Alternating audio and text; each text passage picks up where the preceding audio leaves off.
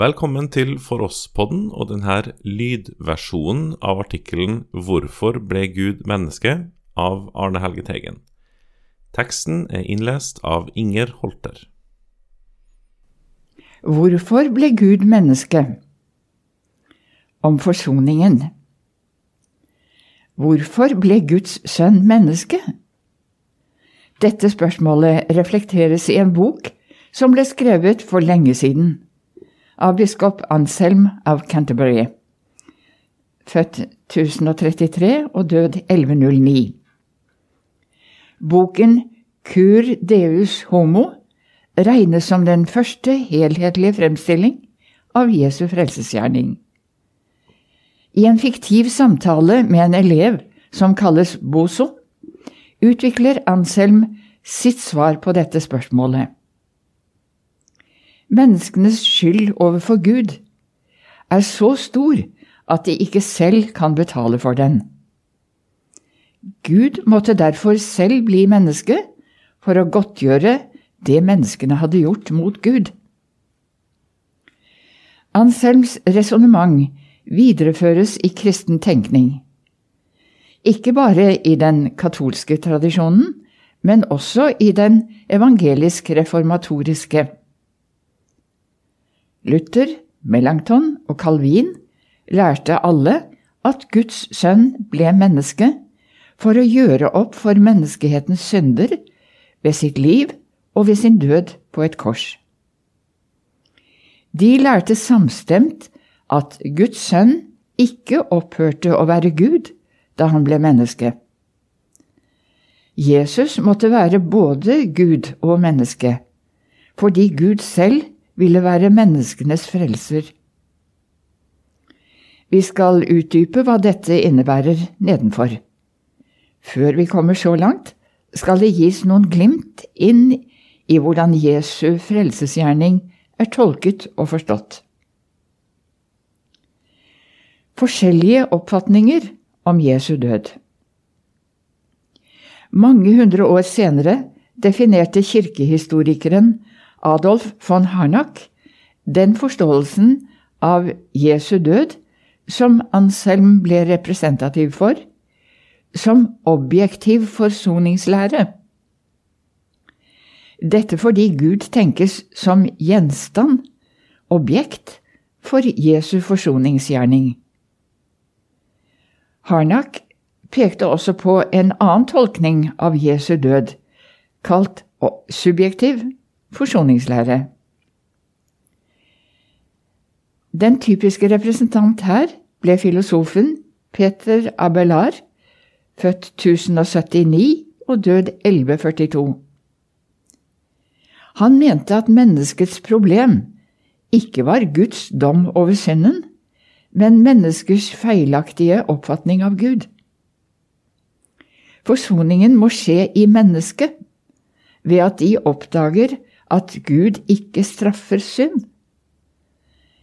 Jesu død på korset må ikke forstås som offer for synd, men som uttrykk for Guds kjærlighet overfor mennesket.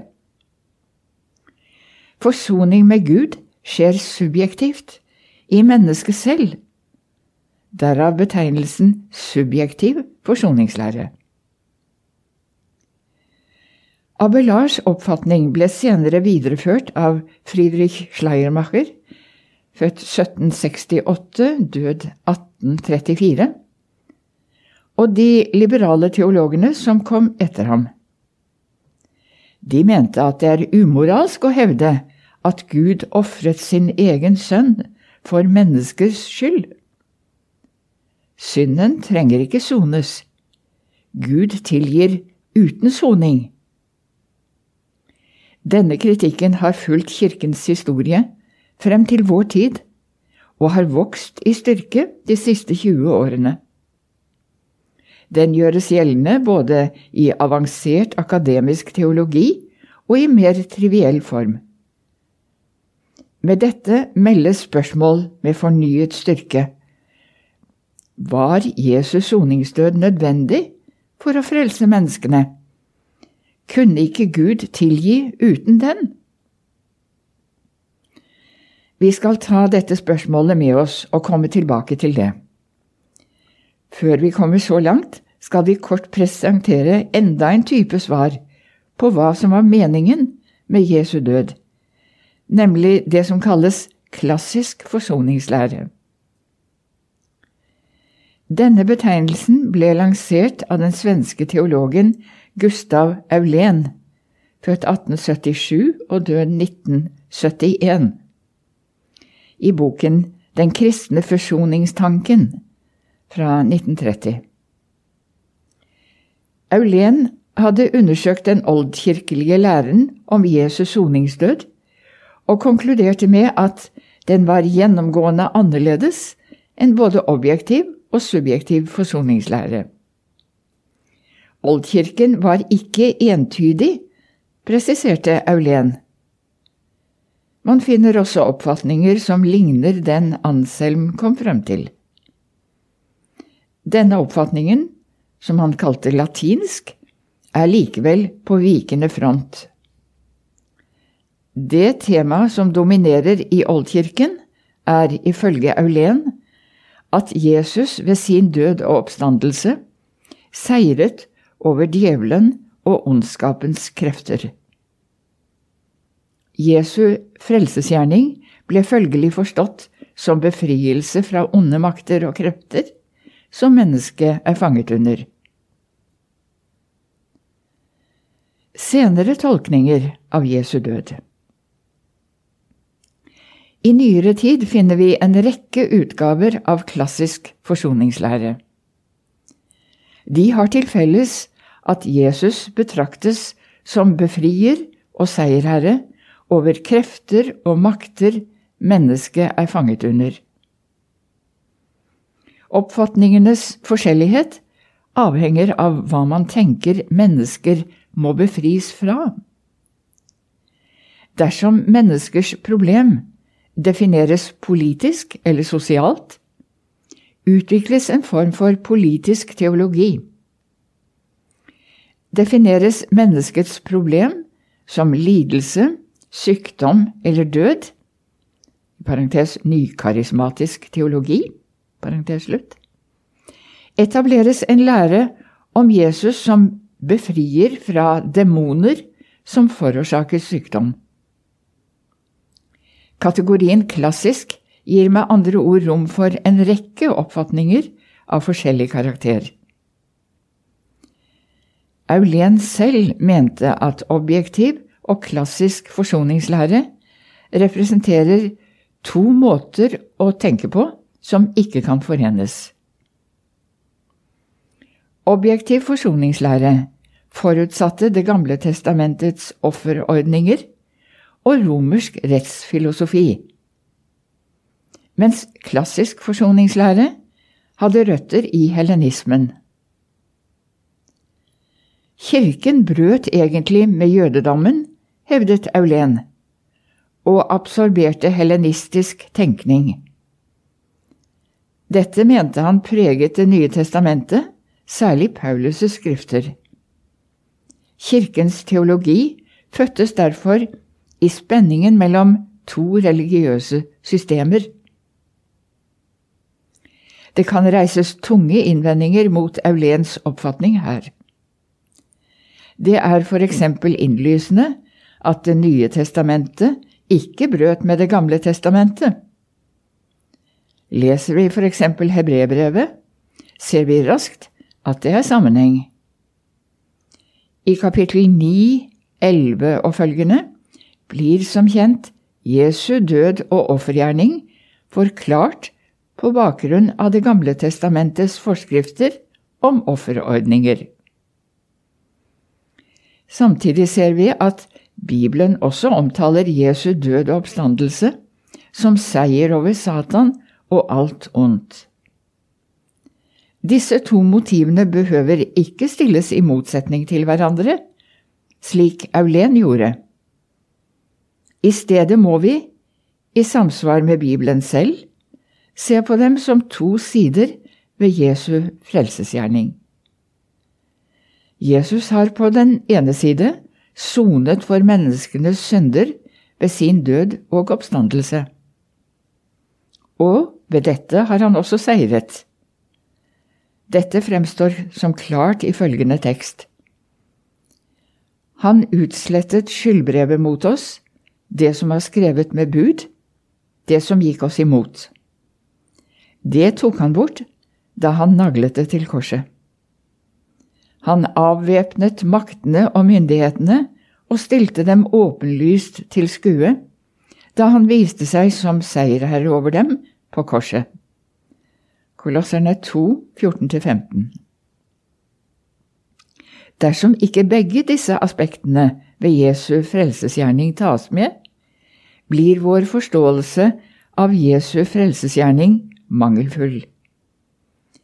Jesus måtte sone syndene våre for at synsforlatelsen skulle bli mulig og han måtte overvinne synden, ondskapen og dødens makt for å skape nytt liv i oss, og etter dommen en ny himmel og jord. Vi skal se nærmere på dette i det følgende. La oss starte med å tegne et bilde av hva Bibelen selv sier om hva menneskets behov for frelse består i.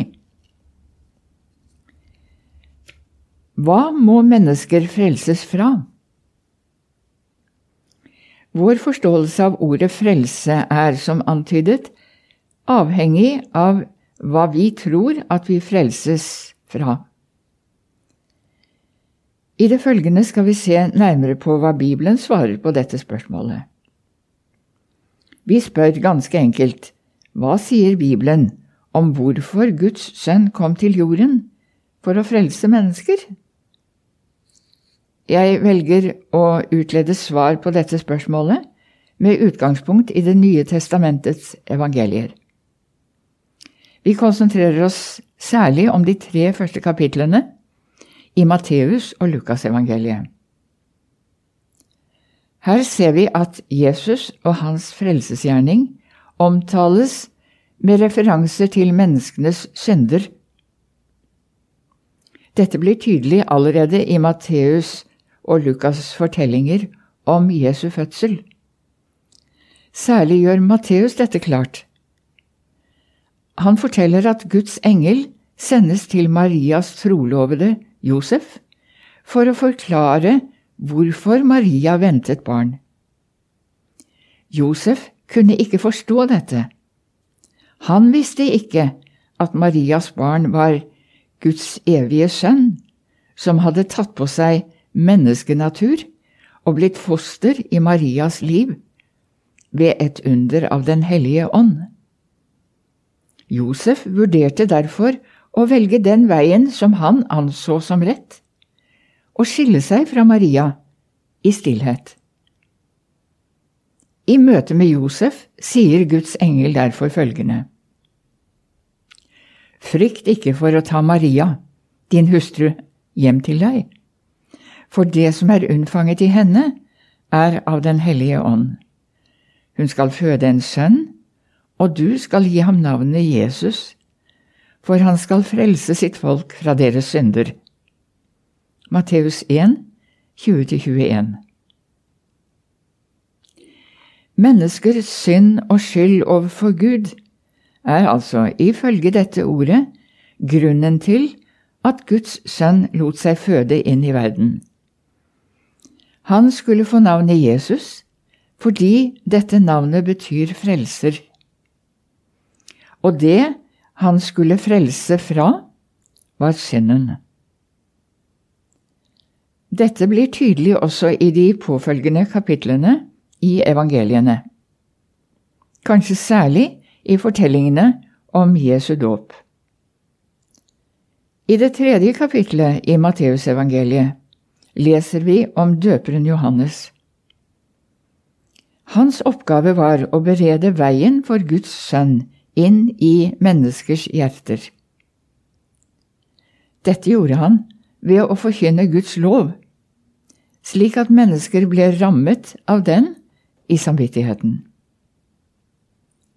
Johannes talte slik at mennesker måtte innrømme overfor Gud at de hadde syndet mot ham og derfor også var skyldige overfor Gud. Døperens forkynnelse siktet med andre ord på personlig synserkjennelse og omvendelse. Derfor innbød Johannes også til en dåp der personlige synder ble bekjent. Og han dro omkring i hele landet ved Jordan og forkynte omvendelsesdåp til syndenes forlatelse. Matteus 3, 3. Ved Johannes' domsforkynnelse ble forutsetning for den rette forståelse av hva Gud ville med å sende sin sønn til jorden, etablert. Menneskets dypeste problem er synden og skylden de har overfor den evige Gud. Men døperens forkynnelse stanset ikke med dette. Den ga også forhåndsløftet om fullkommen forlatelse for alle synder til den som innrømmet sin synd og skyld og lot seg døpe av ham. I dåpen bekjente de sine synder overfor Gud. Ifølge evangeliene kom også Jesus til Johannes for å bli døpt. Først nektet Johannes å gjøre dette. Da Jesus sa at dette var nødvendig for å oppfylle all rettferdighet, det vil si frelsen, lot døperen det likevel skje. Men Johannes nektet ham det og sa, Jeg trenger å bli døpt av deg, og du kommer til meg. Men Jesus svarte ham og sa, La det nå skje, for slik er det riktig av oss å fullføre all rettferdighet. Da lot han det skje. Matteus 3, 14–15 Kanskje er det noen som spør hvorfor Jesus gikk inn under en dåp som forutsatte synsbekjennelse? Ifølge evangeliene og Skriften ellers var jo Jesus den personen som ikke hadde synd å bekjenne. En bibellærer jeg hørte en gang, svarte følgende på dette spørsmålet. Jesus bekjente virkelig synd da han lot seg døpe. Han bekjente dine og mine synder som sine. Ved å la seg døpe av Johannes viste Jesus at han var villig til å gå inn under all forbannelse og dom som hvilte over menneskeheten som følge av syndefallet. Jesus lot seg senke ned i Jordanelven, for så å reises opp derfra. Helt fra oldkirkens tid har man lært at dette peker frem mot det Jesus skulle gjøre ved sin død og oppstandelse. Her sto Jesus frem som Guds lam som bar verdens synd. Slik døperen Johannes siteres i Johannes 1, 29. Tre år etter sin dåp ble Jesus Kristus hengt på et kors med hele verdens syndebyrde over seg. Da gikk Guds evige og allmektige Sønn inn under alle syndens ytterste konsekvenser og smerter. Ved sin guddommelighet sto Jesus også opp fra de døde, etter å ha overvunnet synden, djevelen og ondskapens makter. I Jesus Kristus forsonte Gud seg selv med menneskene ved å gå inn under dommen og straffen for hele menneskehetens synder.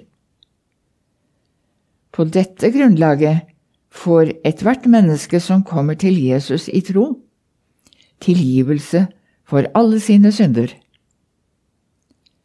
I det følgende skal vi utdype hva dette innebar. Frelsen og Guds lov. Ved sin frelsesgjerning oppfylte Jesus Guds lov. Det er denne loven vi mennesker har syndet mot. Men Jesus har oppfylt den i stedet for oss. Hva betyr det så at Jesus oppfylte Guds lov i vårt sted? Under reformasjonens tid utviklet man svar på dette ved å føre inn to viktige begreper. Man skjelnet mellom det man kalte Jesu passive og aktive lydighet. Med dette fanget man inn to aspekter ved Jesu frelsesgjerning. Jesus oppfylte loven på den ene side aktivt ved å leve et liv i samsvar med den. På den annen side ved passivt å sone straffen over verdens synd. I det følgende skal vi reflektere over disse to sidene ved Jesu frelsesgjerning. Hensikten er å vise at de to aspektene henger sammen og ikke kan skilles fra hverandre. Saken er at Jesu lovoppfyllelse var fullkommen nettopp fordi han ga sitt liv for oss. Dette forstår vi dersom vi ser nærmere på hva en rett oppfyllelse av loven er, ifølge Bibelen. I Romerne 13,10 skriver Paulus at kjærligheten er lovens oppfyllelse. Kjærligheten gjør ikke nesten noe ondt. Derfor er kjærligheten lovens oppfyllelse. Dette betyr ikke at kjærlighetsbudet settes opp mot budene som motsetning til disse. Kjærlighetsbudet er derimot uttrykk for det som er intensjonen med alle budene. Hvert enkelt bud skal oppfylles i kjærlighet slik at det blir til det gode for medmennesker. Det var nettopp dette som preget hele Jesu lovoppfyllelse, og derfor også hans frelsesgjerning. Jesus oppfylte lovens dypeste hensikt nettopp ved å gå i døden for våre synder. Med dette sonet han for oss slik at vi kunne få tilgivelse og nåde ved ham. Med dette er ikke alt sagt om betydningen av Jesu rettferdighet og hans oppfyllelse av loven. Saken er at han ved sin lovoppfyllelse også overvant djevelen, ondskapens makt og døden. Vi vil utdype dette kort i det følgende. Både Det nye og Gamle testamentet fremstiller Jesus som rettferdig i forhold til Guds lov. Jesu rettferdighet viser seg f.eks. når han rett etter sin dåp føres ut i ørkenen for å la seg friste av djevelen. Matteus 4, 1 og følgende. Som menneskehetens stedfortreder måtte Jesus, i likhet med det første mennesket, fristes til å gjøre opprør mot Gud. Ifølge evangeliene, Matteus 4, 1 og følgende, Markus 1, 12 og følgende, Lukas 4, 1 og følgende, motsto Jesus Satans fristelser og ved dette beseiret han Satan, synden og dødens makt. Seieren ble fullbyrdet ved Jesu død og oppstandelse. Og med denne seieren ble med dette lagt grunnlag for skapelse av et nytt liv i hver den som tror på Jesus Kristus. Konsekvensene av Jesu død og oppstandelse er derfor, for det første, fullkommen synsforlatelse for dem som tar imot ham som sin frelser. For det andre at det skapes et nytt liv i dem som tror på ham. Apostelen Paulus skriver følgende om dette.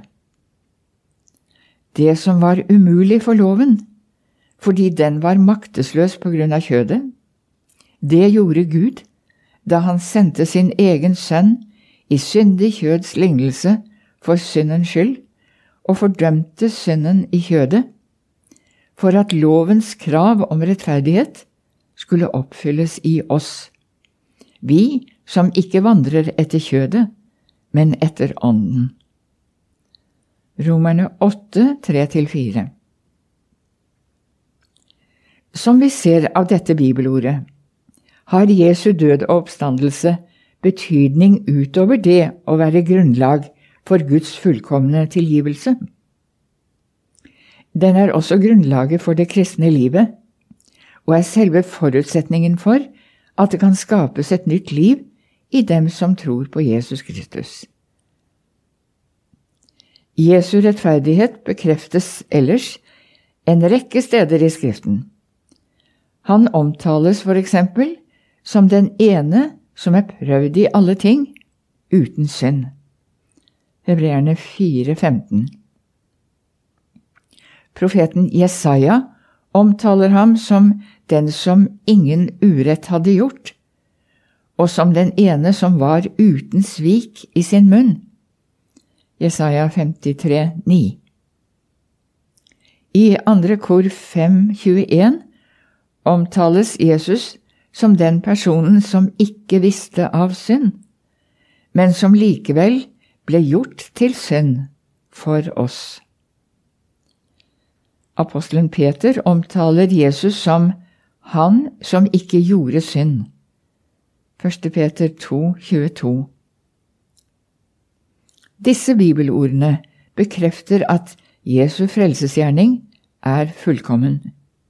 Det er ingenting som mangler. Når dette er sagt, må det føyes enda noe til, som tydeliggjør verdien av det Jesus har gjort for å frelse oss som tror på ham. Verdien av Jesu frelsesgjerning. Vi skal nå vende tilbake til spørsmålet vi reiste innledningsvis. Vi spør med Anselm og mange andre hvorfor ble Gud menneske?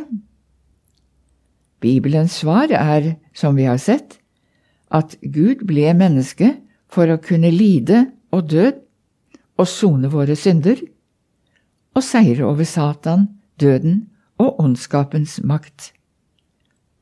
Dette er Bibelens svar, slik vi leser det f.eks. i Hebreerne 2, 17. Derfor måtte han i alle ting bli sine brødre lik, for at han kunne bli en miskunnelig og trofast ypperste prest for Gud, til å sone folkets synder. Hebreerne 2, 17. Guds sønn ble altså menneske for å kunne lide og død. I møte med dette melder et vanskelig spørsmål seg. Hvordan er Guds forhold til døden? Er det mulig å tenke at Gud selv ga sitt liv i den døden som Jesus led? Å svare på det spørsmålet er ikke enkelt. På den ene side må vi holde fast ved at Gud er fullkommen, uforanderlig og aldri passiv. I kraft av å være liv i seg selv, og derfor også betingelse for alt liv, kan ikke Guds evige vesen dø eller lide. Likevel, av kjærlighet til menneskene ville Gud gå inn under døden og lidelsen og fordi hans guddommelighet ikke kan lide og dø, ble Gud menneske i Jesus Kristus for å kunne dø for oss. Inkarnasjonen innebærer som nevnt ikke at Guds sønn reduserte sin guddommelighet eller la den igjen i himmelen, slik stadig flere hevder. Guds sønn forble i den evige fødselsrelasjon til Faderen, også da han var menneske på jorden.